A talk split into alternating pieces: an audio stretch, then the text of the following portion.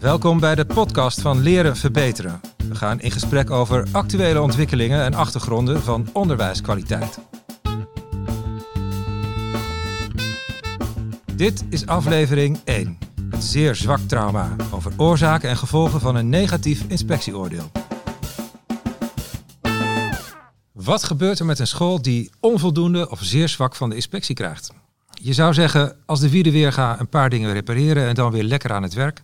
Maar zo gaat het niet. Het is een emotionele en een organisatorische achtbaan waar je in terecht komt. En het kan elke school overkomen. Waarom krijgen scholen meestal een onvoldoende? En wat komt er dan allemaal op je af? En hoe kun je dat proces aanpakken om er beter uit te komen? Daar praten we over met Hans Zandke en met Pascal Scholtjes. Hans, jij bent projectleider van Leren Verbeteren. Wat is Leren Verbeteren? Leren Verbeteren is een, een traject dat door OCW is ingericht. Uh, en dat scholen ondersteunt die dus een onvoldoende of zeer zwak als oordeel van de inspectie hebben gekregen. Met als doel om die scholen zo snel mogelijk weer uh, voldoende onderwijs te laten geven in het belang van de leerlingen die daar zitten. En die ondersteuning, dat betekent dat er een heel aantal uh, adviseurs, begeleiders is die scholen daarbij helpen? Ja, ja er is een, een, een pool van 21 ja, ik mag wel zeggen, echte experts. Dat zijn mensen met heel veel ervaring op dit gebied. En uh, die zijn uh, beschikbaar om scholen te ondersteunen. En de financiering daarvan wordt voor een heel groot deel uh, voor rekening van OCW genomen. Dus dat betekent dat het voor scholen financieel ook geen belemmering hoeft te zijn om daar hulp van in te roepen. Pascal, jij bent rector van het Comenius Lyceum. Jij hebt leren van beteren van dichtbij leren kennen, zullen we maar zeggen, omdat je in zo'n traject gezeten hebt. Het Comenius Lyceum, wat, wat is het voor een school? Comenius Lyceum is een school waar ik als rector verantwoordelijk voor ben. Het zijn 1300 leerlingen. Eigenlijk zijn het uh, twee scholen in één, uh, onder een koepel van het Comenius College. Zelf ben ik verantwoordelijk voor het Comenius Lyceum en Comenius MAVO. En wij bieden eigenlijk op de lijst Singel en Capelle uh, alle onderdelen van het onderwijs en type onderwijs aan. Dus je begint eigenlijk met een MAVO en dat eindigt met tweetalig VWO. Misschien moeten we eerst ehm, uh, iets meer ingaan op die vraag van wat maakt nou dat, uh, dat een school dan zeer zwak of onvoldoende gevonden wordt? Hè? Wat, wat is er dan allemaal aan de hand uh, op je school? Um, de afgelopen jaren heeft ongeveer 2,5% van de afdelingen op het VO een negatief oordeel van de inspectie gekregen. En wat ik al dat kan dan onvoldoende zijn, dat is dan het, het minst erg. en dat krijg je als je niet voldoet aan één of meerdere deugdelijkheidseisen, hè, zoals de inspectie dat dan zegt. Maar het kan ook zeer zwak zijn. Uh, en dat is de, de ergste graad, zeg maar, hè, van een negatief oordeel. Uh, en dat krijg je als je niet voldoet aan die deugdelijkheidseisen, maar dat ook nog ernstig en langdurig laat zien. En ja, de, de inspectie oordeelt daar dan over. Hans, bij die scholen die jullie dan begeleiden, wat maakt dan meestal dat een inspectie dat onvoldoende of zeer zwak Wat is er dan meestal op een school aan de hand? Ja, ja dat is wel een goede vraag. Want, en die wordt ook heel veel gesteld door schoolleiders. Um, het, het is wat we toch het meest tegenkomen, is uh, dat men op een school een aantal jaar op een of andere manier en door wat voor reden dan ook onvoldoende sturing op kwaliteit heeft kunnen geven. Dat kan zijn door uh, een flink aantal directiewisselingen in korte tijd. Of dat kan zijn, dat kom je ook wel tegen, dat een school al, al heel lang eenzelfde directie heeft zitten en ook eenzelfde team. Waardoor men eigenlijk een, een gewoonte heeft ontwikkeld van ja, wij doen het nou eenmaal zo. En waarom zouden we het veranderen? Maar het, het, eh, de kern is langdurig onvoldoende sturing op kwaliteit van onderwijs. En kwaliteit van onderwijs is eigenlijk nog een breed begrip. Hè? Dat kan ook gaan over de digiborden die aan de muur hangen, maar ook over, over de didactiek bijvoorbeeld. Ja. Wat binnen de kwaliteit van onderwijs zijn dan echt kritische schakels? Ja, dat is uh, in de meeste gevallen heeft dat te maken met het, didactisch concept, het didactisch handelen, maar ook met zicht op kwaliteit van leerlingen. dus de teams die al dan niet in de gaten hebben wat is er met welke leerling aan de hand en vooral, en als er iets aan de hand is, wat doen we daar dan mee? En dat is wel een belangrijke, want eh, wanneer je daar niet iets mee doet, dan laat je het in feite aan de leerling over. En die leerling die weet niet altijd wat hij daaraan moet doen. Dus dan, ja, dan zakken de resultaten eh, meer dan je prettig vindt in een school. En die, ehm, wat je zegt, de resultaten, zijn de leeropbrengsten en je examenresultaten en de gemiddelde en, en de, hoe je school zich verhoudt met de benchmark. Zijn dat goede indicatoren voor de vraag, ziet ons proces er goed uit? Of komt het ook wel voor dat een school eigenlijk goede opbrengsten heeft, maar in dat proces toch zulke steken laten vallen dat de inspectie daar uh, negatief over oordeelt? Bij uitzondering komt die ook voor. En dan is het vaak heel verrassend dus voor een school. Want ik kom wel scholen tegen die zeggen, ja maar hoe kan dit nou? We doen het prima. Wat, wat, wat kunnen ze daar nou van vinden? Maar dan constateert men, als ik het een beetje onaardig uitdruk, dat die goede resultaten eh, niet te danken zijn aan de manier waarop er lesgegeven wordt, maar te danken zijn aan het feit dat daar gewoon slimme leerlingen zitten. Maar dat zijn de uitzonderingen. Dat zijn inderdaad uitzonderingen. Ja, meestal is het zo dat als het proces niet klopt, dan gaan de resultaten ook uh, naar beneden. Dat is hem. Ja. ja. Hoeveel scholen, ik zei het, 2,5% van de afdelingen, maar het is nog wel een beetje abstract. Hoe, bijvoorbeeld nu, hè, hoeveel scholen zijn er nu ongeveer onder begeleiding uh, van leren verbeteren? Ja, op, op jaarbasis zijn het er ongeveer 75. En dat is dus eigenlijk best wel veel. Um, daar zijn er een paar uh, zeer zwak. Dat zijn er zo tussen de, tussen de drie en de zeven meestal per jaar. Dat, dat schommelt een klein beetje. Er zijn er zo'n 30 die een onvoldoende hebben gekregen. En wij begeleiden ook een flink aantal scholen. Dat zijn er dan een, een, een kleine 40.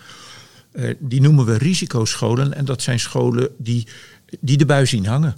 Die dus zelf hebben geconstateerd, de resultaten lopen terug. Of die van de inspectie een seintje hebben gekregen. Waarschuwing of een attendering. Hou in de gaten dat je resultaten teruglopen.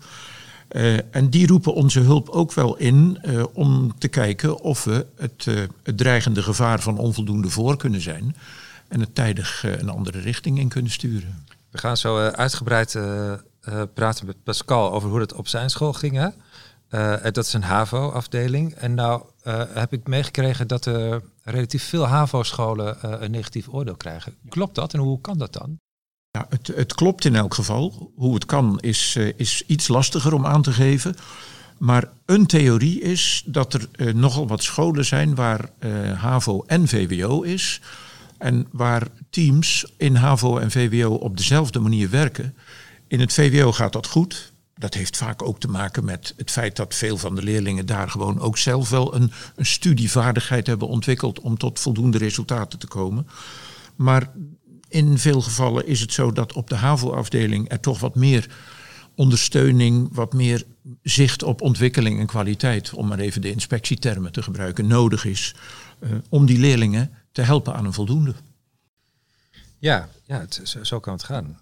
Pascal, um, jouw HAVO-afdeling uh, had dus zo'n negatief oordeel gekregen van de inspectie. Uh, vlak voordat jij op school kwam. Dat is wel bijzonder. Hoe ging dat? Nou, de afdeling HAVO werd al begeleid. Uh, was, zat al in een periode van zwak, uh, voldoende de afgelopen jaren. Dus het was al een, ja, eigenlijk was het nooit echt goed. Uh, dus de inspectie gaf eigenlijk aan van wij komen nu echt eens een keer wat langer bij jullie kijken. dat is in mei 2018 is dat uiteindelijk gebeurd. Toen was ik er nog niet. Ik was al wel aangenomen met eigenlijk de opdracht vanuit de algemene directie om de school van zwak naar voldoende te halen. Dat uh, vond ik een mooie opdracht. Dat had ik eerder gedaan bij, uh, bij mijn vorige werkgever, uh, SCC College in Rotterdam. Um, maar toen ik eigenlijk in mei voor het eerst kennis maakte met het team um, en de algemene directie, kreeg ik al wat signalen dat de inspectie eigenlijk niet zo goed weg was gegaan tijdens de dag van de beoordeling. En een week later werd dat ook bevestigd door het oordeel zeer zwak. en toen kreeg ik dus eigenlijk een nieuwe opdracht. met eerst de vraag van wil je überhaupt komen? Want dat doet nogal wat met jou waarschijnlijk je opdracht wordt anders. Uh, maar het team is ook redelijk uh, aangeslagen. Zo aangeslagen zelfs, dat wij uh, pas na de vakantie met het team aan de slag gaan. Want het idee was op school van nou, we zijn een paar jaren al aan de gang om het wat beter te krijgen. Dus, dus het zal nu wel oké okay zijn. Ja. En in plaats daarvan werd het oordeel nog zwaarder. Ja, en dat was eigenlijk heel frustrerend voor de mensen zelf. Want er was echt keihard gewerkt. Ook door de rector die daar zat op dat moment. Iedereen had daar echt zijn steentje aan bijgedragen. Maar het oordeel werd, uiteindelijk uh, zeer zwak. En waarom dacht je van, nou, hmm, kom erop, ga ik gewoon doen? Nou, wat, wat maakt het dat dat dan een, een uitdaging is? Kijk, persoonlijk vind ik het een, een, een mooi streven om een school te helpen. Ik had de school ook geanalyseerd. Als je kijkt naar de mensen die er werken, de leerlingen die er zijn, de ouders die er komen, is het eigenlijk een fantastische school in Capelle. Dus er zat iets anders wat eigenlijk hersteld moest worden. we hebben het net gehad over kwaliteitscultuur. Dat is een van de dingen waar we aan gewerkt hebben. Maar het type leerling die graag naar school komt, ja, moest eigenlijk geholpen worden. En nou ja, in Rotterdam doen we dat met opgestrauwde mouwen. Dus ik zeg, nou prima. Het was voor mij een idee om dat op te pakken. En het traject was ook helder. Twee à drie jaar. En dan kijken hoe verder. Hans vertelde net dat heel vaak gaat het dan over het didactisch proces. Hè? En, en dat daarmee in het verlengde daarvan de resultaten ook naar beneden gaan. Was dat ook zoals het op jouw school was? Nee, kijk, de, als er de afrekening van de inspectie was eigenlijk uh, heel breed. Het ging niet alleen maar om het didactisch proces. Het ging om uh, onderwijsresultaten. de gemiddelde eindexamencijfers van drie jaar lang. Maar eigenlijk het definitieve oordeel kwam door het gesprek met de leerlingen die de inspectie had. Dan ging het over de cultuur op school, het gezien worden door de leerling. En de HAVO-leerlingen hebben toen om vier uur middags eigenlijk hun zegje gedaan naar de inspecteurs. Ja, dat was, dat was eigenlijk genoeg voor de inspecteurs. Ja, ja. We hebben van tevoren gesproken met een van de mensen die op je school werkte, de corrector HAVO. Dus die, uh, die was heel direct betrokken daarbij. En zij vertelt, uh, alsof het gisteren gebeurde, terug hoe dat gesprek met de inspectie bij haar binnenkwam. Harriet Steuten heet Laten we even luisteren naar hoe ze zich dat gesprek herinnert. De dag was aangebroken dat de inspectie kwam. Hij begon te vertellen en gaf aan de resultaten. Zei OR1 is niet voldoende, OR2 is niet voldoende. Jullie zitten niet op het niveau wat er nodig is. En het ging uiteindelijk mis op dat leerlingen aan de inspectie aangaven dat zij zich niet gezien en niet gehoord voelden. Toen werd ik alleen maar eigenlijk heel erg boos ik heb zitten schrijven en um, ik, ik, zag mezelf schrijven dat het niet voldoende was en dat eigenlijk de doorslag kwam dat leerlingen zich niet gezien en gehoord voelden in de lessen. En um, toen heb ik dat opgeschreven en daarna heb ik, het, uh, heb ik mijn hoofd op neutraal gezet. Uh, want dan vroegen mensen van, uh, ben je nou niet, nee helemaal niet in paniek. op een of andere manier ga je dan in de rust en dan wilde ik ook wel echt uitstralen dit komt goed. Het is wat het is. Uh, want we zijn nog steeds een school en we willen echt kost wat kost zorgen dat het beter wordt. Ja, dat is uh, mooi hoe ze dat vertelt. Hè. Dit is geloof ik wat de Engelse stiff upper lip uh, noemen. Mm. van binnen woedt er van alles, maar we laten ons niet kennen. Is dat, ehm, herken je dat van die, van die eerste periode op school? Want dit gesprek heb jij niet meegemaakt, Pascal, maar uh, toen dit net gebeurd was, uh, kwam jij binnen. Herken je dit? Ja, ik kwam net voor de zomervakantie binnen voor een aantal kennismakingsgesprekken, onder andere met Henriette. Zij gaf toen een aantal lessen Engels en was ook al destijds uh, conrector. Dus met haar zou ik eigenlijk ook het herstel gaan doen. Um, wat, ik, wat ik merkte wel in de school was een stuk, stukje verslagenheid. Er waren weinig docenten echt op school nog. er was een stilte. Er was stilte vanuit de leerlingen. Dus um, ja, er miste iets. Er was geen DNA dan praat ik alleen over de HAVO-afdeling. Want uiteindelijk zijn er meerdere afdelingen. Alleen de HAVO-afdeling werd op dat moment uh, zeer zwak uh, beoordeeld. Um, los daarvan hadden we ook een MAVO-afdeling en een tweetalig VWO, wat overigens prima ging. Maar het is echt een geïsoleerd gedeelte. Maar het gaat wel om 600 leerlingen en ongeveer 40 collega's die daarbij uh, werkzaam zijn. Dus ik herken het beeld wat Hanjette zegt. Um, en het was mij ook heel helder waar ik moest beginnen. Ja, want het is niet um, wat je misschien van een afstandje zou denken, dat het een kwestie is van onderwijstechniek of uh, een didactisch concept uh, nog even uh, opfrissen. Ehm, je hebt echt te maken met mensen die er even helemaal doorheen zitten. Is dat eigenlijk altijd zo, Hans? Ja, zeker bij scholen waar zeer zwak is geconstateerd. Onvoldoende, dat is iets wat, wat men ook wel heel vervelend vindt, maar waar men zoiets heeft van, ja, dit kunnen we oplossen. Maar zeer zwak, dat, dat, dan kom je eerst in een rouwproces. En dat duurt wel even voor je daaruit bent en dan pas weer de schouders eronder kunt zetten. Maar ik moet ook zeggen dat we ook wel op scholen komen waar je ziet dat een team dan in een dusdanige flow komt gedurende zo'n heel jaar, dat die school daarna echt nog jarenlang eh, echt heel energiek is en goed onderwijs geeft en groeit eh, in, in kwaliteit, maar zelfs ook in omvang en in populariteit in de omgeving, in aantrekkingskracht dus. Ja, ja we hebben ook met, uh, met Harriet gesproken over hoe die eerste boodschap bij het team aankwam. Hè, en uh, hoe die eerste uh, boodschap binnenkwam, wat dat deed met het team. En dat, dat vertelt ze ook heel beeldend. Het team was niet geïnformeerd toen wij in juli, nou net voor de vakantie, dit gehoord hebben. En ze kwamen in het nieuwe schooljaar enthousiast naar school. En daar hebben we moeten starten met te vertellen dat de HAVO al zeer zwak, het predicaat zeer zwak had gekregen. Na uh, drie jaar lang ons best doen met kwaliteitsverbetering, uh, waar de sectievoorzitters uh, veel meer verantwoording hadden gekregen. Nou, dat was heel pittig. Iedere docent verwerkt dat op zijn eigen manier, maar ik typeer het als verslagenheid. hoe kan dat nou? Hebben het allemaal uitgelegd, maar er was verslagenheid.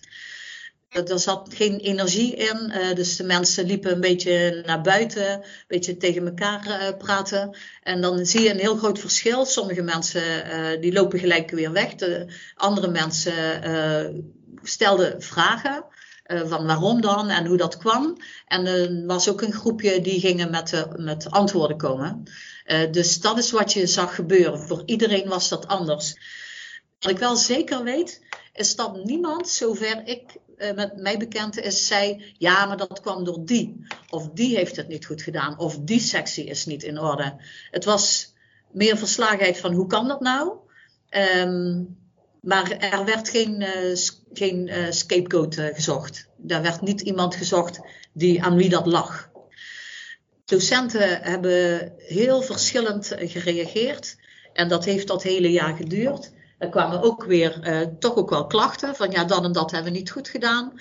Maar ook heel veel vertrouwen werd uitgesproken. We gaan dit wel redden, we gaan ervoor. En daar stonden ze ook voor open. Het is zo van ja, slechter kan niet worden. We gaan er gewoon voor en we gaan door met onze kwaliteitsimpuls die we hebben. Ja, daar sta je dan, uh, Pascal. Uh, je zei er net al van ja, toen ik dit allemaal in de gaten kreeg, toen wist ik wel waar ik uh, beginnen moest.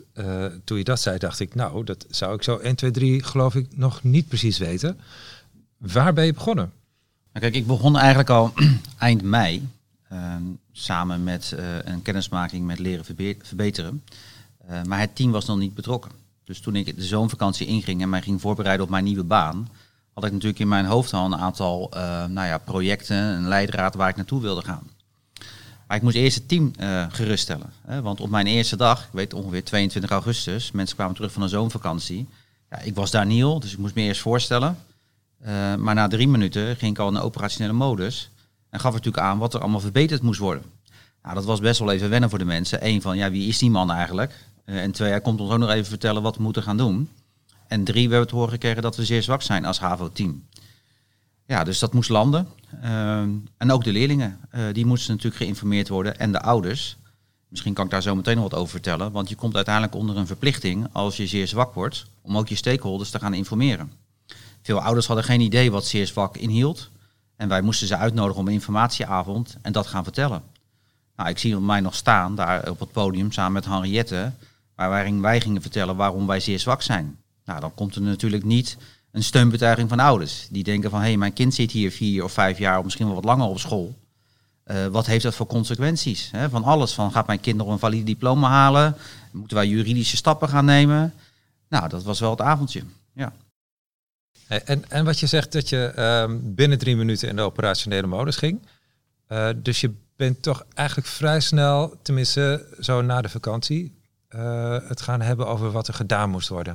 Ja, ja dat klopt. En, en wat, wat doet dat dan met mensen? Haalt dat hen dan uit die verslagenheid?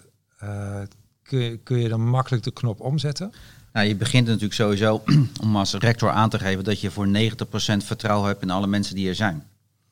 Uh, je begint met een stukje transparantie. Uh, wat ik vervelend vond is dat mensen niet wisten dat de school zeer zwak was. Uh, dus ik heb eigenlijk vanaf moment één gezegd, alles wat we nu gaan communiceren is volledig transparant. Dat betekent soms verkeerd en slecht nieuws, maar ook positiviteit. En zo heb ik de mensen meegenomen. En uh, dat doen we nu nog steeds. Ja, Hans, uh, herken je dat? Gaat het vaak zo op, uh, ja, op een ja, school? Ja. Hoe kom je in die actiemodus? Hè? Dat je denkt, nou, en nu de draak in de bek kijken heet dat geloof ik. Ja, dat, dat is hem. Het zal niet op alle scholen exact hetzelfde zijn, maar er zijn wel heel veel herkenbare elementen. Ja, het, uh, het, de, zowel het, het verhaal wat je richting ouders moet doen, als het, het hele uh, gedrag naar je team. Uh, hoe ga je daarmee om? Je zult enerzijds begrip moeten hebben voor de mensen omdat ze verslagen zijn. En anderzijds moet je sturen op verbetering. Nou, dat, dat, zijn twee zaken die ook tegenstrijdig aan elkaar zouden kunnen zijn. Ja, dat is een zoektocht. Ja, maar een heel herkenbaar verhaal van eh, Pascal. Ja, dus uh, iedereen is uh, een soort van uit de verslagenheid. De inspectie heeft op allerlei terreinen gezegd dat je school onder de maat is. Uh, en dan moet er iets van een aanpak of een plan komen. Ehm, Hans, is, is dat dan ongeveer het moment waarop er iets van een intake plaatsvindt of zo? Of dat er een adviseur op zo'n school ehm, wordt gezocht? In, in bijna alle gevallen, ja. Uh, het zijn vaak de scholen zelf die al in uh, de eerste week of twee weken na het inspectiebezoek ons benaderen. Uh, omdat de inspectie dan mondeling heeft aangegeven, nou het wordt, het wordt onvoldoende of zeer zwak, maar het is niet goed. en de inspectie geeft dan vaak ook het seintje, bel even met leren verbeteren, want dat zou je kunnen helpen. En in een enkel geval wacht de school toch tot het inspectierapport is verschenen. En dat is een beetje jammer, want dat is uh, soms pas uh, een, een, uh, twee maanden, drie maanden later. En al die tijd is verloren tijd, die niet benut wordt. Maar in de meeste gevallen worden we dus heel snel ingeroepen. Zitten we daar dan ook, probeer ik echt binnen één of twee dagen daar op school te zijn, te luisteren. Wat is er aan de hand? vertel het verhaal maar helemaal. En dan ook te kijken, en wie is de ondersteuner, de adviseur, die daar het beste bij past qua uh, expertisegebied, uh, qua karakter. Uh, nou, dat zijn de belangrijkste. In, in het geval van de school van Pascal was dat Doreen Sluiter. en we hebben ook met haar gesproken van tevoren. En zij vertelt hoe ze de school binnenkwam en wat ze daarin aantrof. Werd gevraagd door de, de centrale directie om te komen praten over het project bij Comenius, die zeer zwak was, al een poosje en al wat langduriger. En ze hebben de Beter toen ingeschakeld omdat ze hadden van nou, we willen er echt iets mee doen, we willen er ook van leren, ook vanuit de rol van centrale directie. Dat vond ik al een mooie vraag en heel open. En zij vertelde toen dat er een nieuwe rector kwam. Als ik dan moet aangeven wat ik heb gezien in het begin, was eigenlijk een school uh, die al lang met het probleem van de te lage opbrengsten bezig was. En daar ook wat aan in het verzanden was. Zo van heel hard werken heel hard proberen om het goed te doen en het dan net niet redden. Ja, uh, Pascal, dit is de, de, eerste observatie van Doreen. weet jij nog toen jij haar voor het eerst sprak? En, en, wat deel je dan in zo'n gesprek? Waar, waar, gaat het dan over als je zeg maar ook mentaal contracteert met, zo'n begeleider? Nou ja, kijk, Doreen en ik hadden eigenlijk dezelfde opdracht vanuit de algemene directie en de inspectie om zo snel mogelijk de school terug te brengen naar een voldoende. We wisten ook dat dat in een, uh, in een trapsysteem zou werken. Dus je kan niet in één keer van zeer zwak naar, naar voldoende. Dat ging tijd kosten. Dus we hebben een, een tijdspad met elkaar gemaakt. En wij hadden gezegd van nou, een hele goede school waar het een beetje mee zit, dan, dan lukt je dat binnen twee jaar. dus ja, laten we maar de, de, lat hoog leggen. Dus wij zeiden ook van nou, dat gaan we dan in twee jaar doen. Uiteindelijk is het 2,5 jaar geworden, ook door corona. Uh, maar dat gaf ook namelijk de, de, de boots en de energie aan de teamleden. Als je van tevoren afkadert van in 2,5 jaar of in 2 jaar gaan we dit met elkaar doen. En daarna staan we gewoon weer waar we moeten staan. En we gaan het niet zien als een herstelproces. Nee, we gaan de school echt duurzaam verbeteren. En dat doen we met leraren, dat doen we met leerlingen. Dat doen we soms ook met ouders. Maar we doen het vooral met elkaar. Uh, en dan sluiten we een hoofdstuk daarmee af. Om het nooit meer nog eens een keer zo te laten gebeuren. Dat geeft ook rust aan de mensen die daar werken. Ja, Doreen uh, vertelt ook hoe ze die eerste fase zo is opgestart en uh, hoe ze dat beleefd heeft. Ik heb heel erg gewerkt bij deze school aan. Ga nou eens stilstaan, eens even evalueren en kijken wat nodig is. En zorg dat er een balans blijft tussen wat je te doen hebt en wat je kunt doen in de school. Onder andere Pascal was er ook goed in. Die, die heeft ook gezegd tegen zijn collega's, ook tegen zijn schoolleiding van... Er moet veel gebeuren, maar dat jij in balans blijft is het allerbelangrijkste. En dat is volgens mij door de hele school wel heen gecijpeld. Van er is veel te doen en toch gaan we uh, dat doen wat kan. Als ik nu terugkijk naar het hele traject, heeft dat best een poos geduurd. En dan ging het uiteindelijk over de kwaliteitscultuur. En dat is heel lastig, want de cultuur zit in de muren. Je kunt heel veel doen aan kwaliteitszorg, hebben we gedaan. Heel veel gedaan aan met elkaar van documenten gemaakt, dingen opgeschreven. Zorg dat mensen ook wisten wat er opgeschreven was. Zorg dat de gesprekken er ook over gingen. Uh, maar dan nog is um, een cultuur waarin je met elkaar mag leren en ook fouten mag maken. Dat was wel het thema waar ik het veel met ze over heb gehad. Van hoe kan je uh, fouten maken mag, maar hoe leer je ervan? Hoe ga je dan verder? Dus die lerende cultuur, daar, daar wordt nu zeg maar, heel hard aan gewerkt. Dat was er echt toen de tijd helemaal niet. Heel veel dingen uh, werden of niet besproken of niet opgepakt. Ja, Pascal Doering zegt het ging eigenlijk, hè, als je nu uh, op die periode terugkijkt, ging het er uiteindelijk om, uh, de, om de cultuur en dan vooral om er een lerende cultuur van te maken, waar mensen open zijn over wat niet goed gaat en dat samen willen verbeteren. Zou je dat ook zo zeggen? Ging, ging het daar uiteindelijk om? Nou, het woord samen, je noemt het al. Um, toen ik de eerste maand het Comenius analyseerde, miste ik daar het woord samen vooral in. Er werd keihard gewerkt, maar er zat geen lijn in um, hoe mensen met elkaar spraken. Het was enorm druk. Het was een enorme drukke school. Niet zozeer ook fysiek, maar ook online. Ik kan me herinneren, de eerste maand dat ik daar werkte, dat ik dag en nacht e-mails kreeg van iedereen. En um, dat was vooral een, een, een, mailverhaal van het moet zo en ik heb daar last van. Maar er waren eigenlijk geen momenten uh, dat mensen met elkaar spraken. En er werd heel erg sterk naar een schoolleiding gekeken, want die moest het gaan doen. Uh, dus de top-down cultuur die er enigszins was, uh, heb ik omgedraaid naar een bottom-up cultuur. En mensen ook verantwoordelijkheid gegeven. En mensen ook fouten laten maken. En dat proces heeft na drie, vier maanden, zag je dat ontstaan, dat secties op een gegeven moment aan mij aangaven van, goh, wij mogen ook zelf nu besluiten gaan nemen over onze boeken. We mogen besluiten gaan nemen over hoe wij die lessen aanbieden. Um, en wij willen ook eens praten met jou, Pascal, over misschien moeten wij eigenlijk de hele, het hele onderwijssysteem binnen Comenius anders gaan doen. Dus we gaan niet alleen maar praten over herstel, maar ook over een onderwijsinnovatie. Dat is misschien wel de allerbelangrijkste stap geweest uh, om docenten de energie te geven dat we niet gingen herstellen, dat we andere dingen zijn gaan doen. Ik zal je één kort voorbeeld geven. Comenius had heel veel last van tussenuren. Het was een, een school waar veel kansen waren voor leerlingen. Dus iedereen mocht eigenlijk elk vak volgen wat ze ook wilden.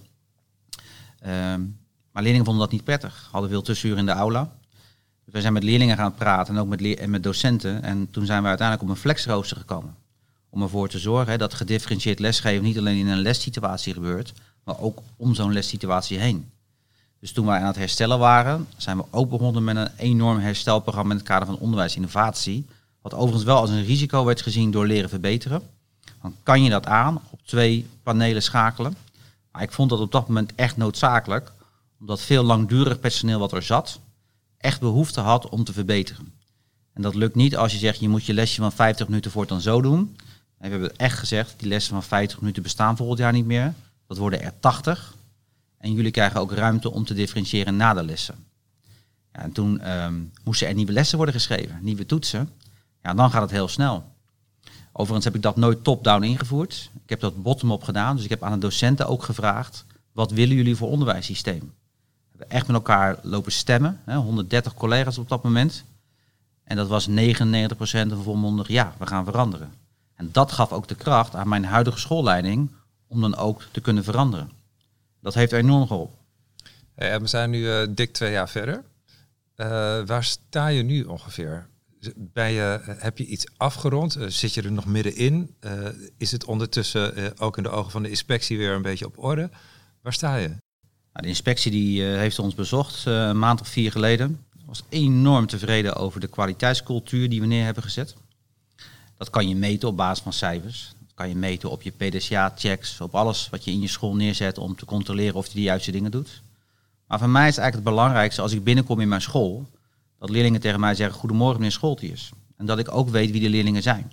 Dus die herkenbaarheid, dat leerlingen met plezier naar school komen, dat is voor mij de grootste maatstaf hoe er uh, wordt gewerkt in een school.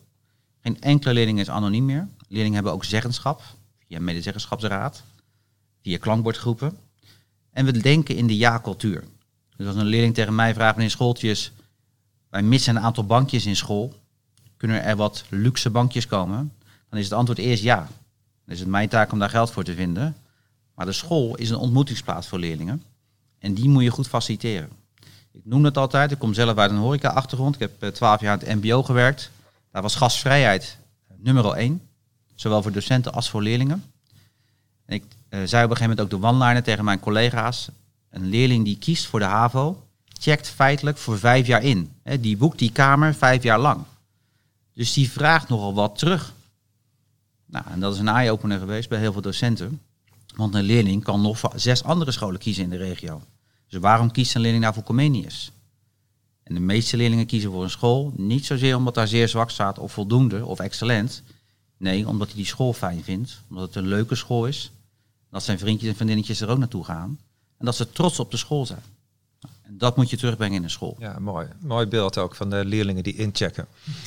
Uh, ja, Hans, dit, dit, is eigenlijk een verhaal dat, uh, dat goed aan het aflopen is, hè, kunnen we zeggen. Loopt het altijd goed af? Uh, het loopt gelukkig vrijwel altijd goed af. Ehm, maar het gaat op de ene plek wat vlotter dan op de andere plek. En er zijn ook wel plekken waar het uh, moeizaam is. Nou ja, wat Pascal vertelde over het Comenius, dat had natuurlijk al een aantal jaren onvoldoende achter de rug. En verwachtte voldoende te worden, maar werd zeer zwak. Dus daar liep het ook bepaald niet in één keer goed af. Maar we, komen het wel tegen. Er zijn, uh, ik, ik zou twee factoren willen noemen die we dan eigenlijk al van tevoren inschatten, als je dit ziet, oh, dan zou het nog wel eens moeilijk kunnen worden. De eerste is wanneer uh, het, de schoolleiding en of het team, uh, en liever niet allebei, want dan is het helemaal uh, lastig, de oorzaak buiten zichzelf zoeken. En het eigenlijk oneens zijn met het inspectieoordeel. nou wil ik niet zeggen, de inspectie heeft per definitie altijd gelijk. Maar ik moet zeggen, in de situatie van onvoldoende of zeer zwakke scholen kijken ze daar wel heel zorgvuldig naar. Want zij realiseren zich ook wel wat de impact van zo'n mededeling is. Dus dat wordt niet eh, zomaar geroepen. Eh, dus meestal klopt het wel. Eigenlijk klopt het vrijwel altijd. En als een school daar dan tegenin gaat, en dan helemaal wanneer dat onder leiding van de schoolleiding is, dan is het een lastig verhaal om eh, tot verbetering te komen. Want ja, een, een heel team wat denkt, dit willen we niet, en het toch moet doen, dat is, dat is geen kansrijke situatie. Dat heet gecultiveerde weerstand, uh, Zoiets, geloof ik. Ja, dat is lastig. En de andere die ik wil noemen, en uh, dat vond ik wel aardig, want dat zat zojuist ook voor een deel in het verhaal van Pascal. Dat is dat je ziet dat een school besluit om de verbetering in te zetten door in één knal een nieuw onderwijsconcept over de school te gooien. En dan vond ik het bij Pascal wel mooi om te horen dat daar het team in meegenomen was. En het team daar ook in zeer uh, brede uh, zin achter kon staan. Maar uh, daar waar de schoolleiding zegt, nou dan gaan we nu een nieuw onderwijsconcept invoeren. En het team bij wijze van spreken dat amper nog weet. Dat is een groot risico. En dan ben je aan het verbeteren. Dat is ook iets, ik geloof dat jij het net ook zei Pascal, dat het door leren verbeteren werd afgeraden om met een nieuw onderwijsconcept te starten. Want ja, dat zijn wel twee hele lastige, omdat je dan een school hebt waar feitelijk de basis niet op orde is. En dan nog iets heel ingewikkelds gaat doen ook. Dus dan maak je het jezelf niet makkelijk. Uh, en dat loopt dan ook zo af en toe niet goed af. Ja, ja, ja dat kan me voorstellen. Maar de, de, wat Pascal zei, kan ik me ook goed voorstellen. Maar dat vraagt dan wel iets van de bereidheid en de openheid van je team om, uh, om daar echt goede energie op te zetten. Ja, en dan moet je denk ik ook als schoolleiding met een buitengewoon overtuigend verhaal komen. En er ook volledig voor gaan staan. En dus niet bij wijze van spreken roepen. We gaan vernieuwen en het dan aan de mensen verder overlaten en maar zien hoe ze doen. Maar dan moet je daar ook de regie in nemen. We hebben het ook aan, uh, aan Doreen gevraagd, hè, de begeleider die we daarnet ook uh, twee keer hoorden. Uh, wat maakt nou dat zo'n traject slaagt of niet? En waar moet je op letten? Wees je als school gewoon bewust als je uh, cijfers naar beneden gaan of een dalende tendens uh, hebben. En ga op tijd leren verbeteren, inschakelen of iets anders doen. Maar zorg dat je, dat je het meteen serieus neemt en dat je uh, preventief al een analyse maakt van de oorzaken en de problemen. En dat je ook al een preventief plan van aanpak maakt om het te veranderen. Ik doe dat nu tegenwoordig vaak bij andere scholen. En dan zie je, als je het voor bent, dan ben je ook de inspectie voor. En dan eh, ga, kan je niet zo heel erg ver onderuit gaan. Als je eenmaal zeer zwak bent, is het zo'n lange weg om weer naar een voldoende uh, uh, arrangement te komen. En dan is mijn, ja, eigenlijk is mijn tip altijd twee dingen. Van ga gewoon stilstaan. Ga stilstaan, ga nadenken over wat is er aan de hand en wat kan ik doen. En ga ook kijken in je organisatie welke mensen, welke kwaliteiten er zijn om in te zetten in de school. Dat is trouwens wat ik sowieso vaak doe. Zorg dat als ik aan het werk ben, dat de school het zelf over kan nemen en dat je mensen eh, in beeld hebt die het gewoon kunnen doen. Ja, dat, uh, dat is mooi gezegd. Pascal, als jij terugkijkt op, uh, op de afgelopen uh, paar jaar dat je op het Comenius gewerkt hebt, wat is dan voor jou en met, en, met, jouw ervaringen en jouw rol een belangrijke les die je daar geleerd hebt? Een belangrijke les is dat je moet starten met je leerlingen. Dat je je leerlingen eh, bij een herstelproces uh, veilig moet uitnodigen. Dat je een open deurbeleid moet creëren, ook als rector. Dat je jezelf niet moet wegcijferen. Dat je als rector um, er moet gaan staan in een operationele rol. Um, en dat scheelt per, per vorm hoe je als rector in een school binnenkomt. Soms word je binnengehaald als boegbeeld of als een netwerker.